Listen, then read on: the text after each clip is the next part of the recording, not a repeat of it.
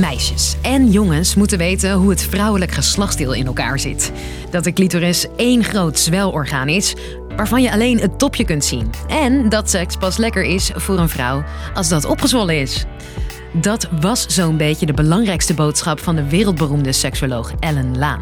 Ofwel de Godmother van de Nederlandse seksuologie. Ze was de eerste ooit die onderzoek deed naar vrouwelijk genot. Belangrijk volgens Laan, want met kennis over je lijf kun je beter grenzen aangeven en plezier beleven.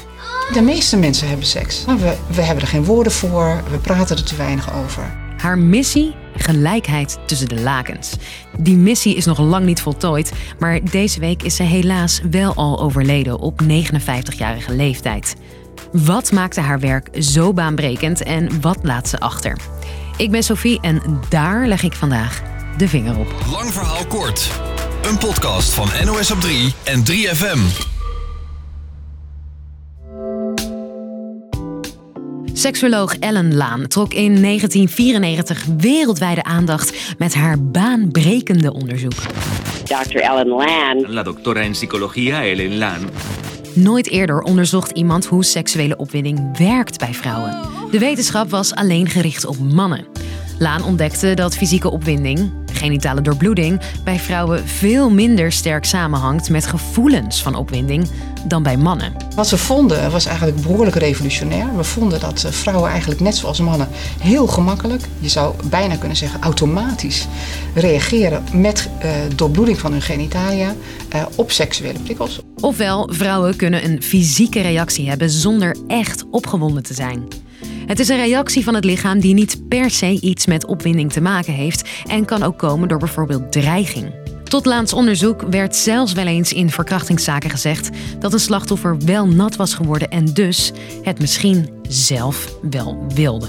En dat is denk ik uh, waar ik zelf aan heb bijgedragen, is dat ik het onderwerp seksualiteit ja, mainstream heb gemaakt. Ja, het is bijna niet voor te stellen, want we hebben het over 50% van de wereldbevolking. Maar hier was dus tot de jaren 90 geen wetenschappelijke kennis over. Dus werd Laans missie onder meer zorgen dat vrouwen hun eigen genot voorop stellen.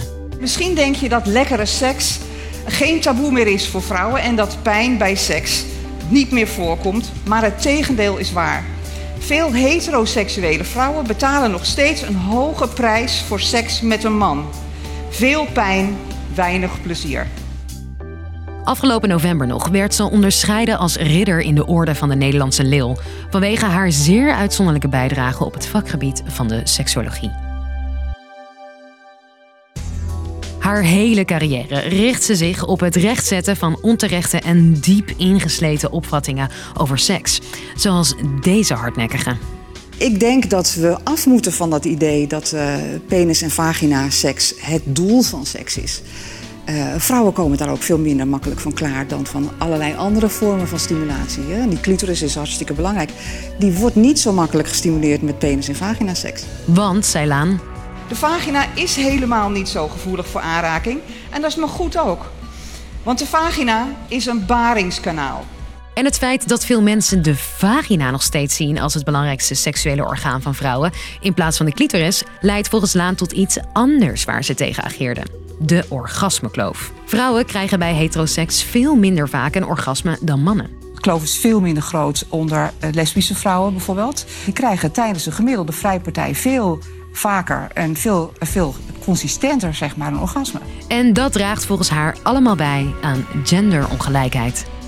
Ik denk dat het nog steeds zo is dat vrouwen vooral de plezierverschaffers zijn en niet zozeer de plezierontvangers. Volgens Laan is het een misvatting dat het seksuele emancipatieproces van vrouwen voltooid is. Daarom verscheen ze in televisieprogramma's en op Lowlands. Een groot applaus voor Overal zetten ze zich in voor kennisverspreiding over genot en gelijkheid. En dat dat nodig is blijkt uit een recent voorbeeld. Namelijk pas vorig jaar kwam de precieze anatomie van de clitoris terecht in het meest gebruikte biologieboek op middelbare scholen. Als er één ding centraal stond in Laans kijk op seks, was het plezier. Of zoals ze in College Tour zei: Denk niet dat je seks verplicht bent. Niemand heeft het recht op jouw lichaam. Je hebt geen recht op een ander. Nooit. Dus, lang verhaal kort. Hoogleraar Ellen Laan is overleden. Ze deed in de jaren 90 baanbrekend onderzoek naar opwinding bij vrouwen. Haar hele leven pleitte ze voor het doorbreken van taboes over seks en streefde ze naar gelijkheid tussen de lakens. Elke werkdag zijn we er rond de klok van vijf. Bedankt voor het luisteren en tot morgen.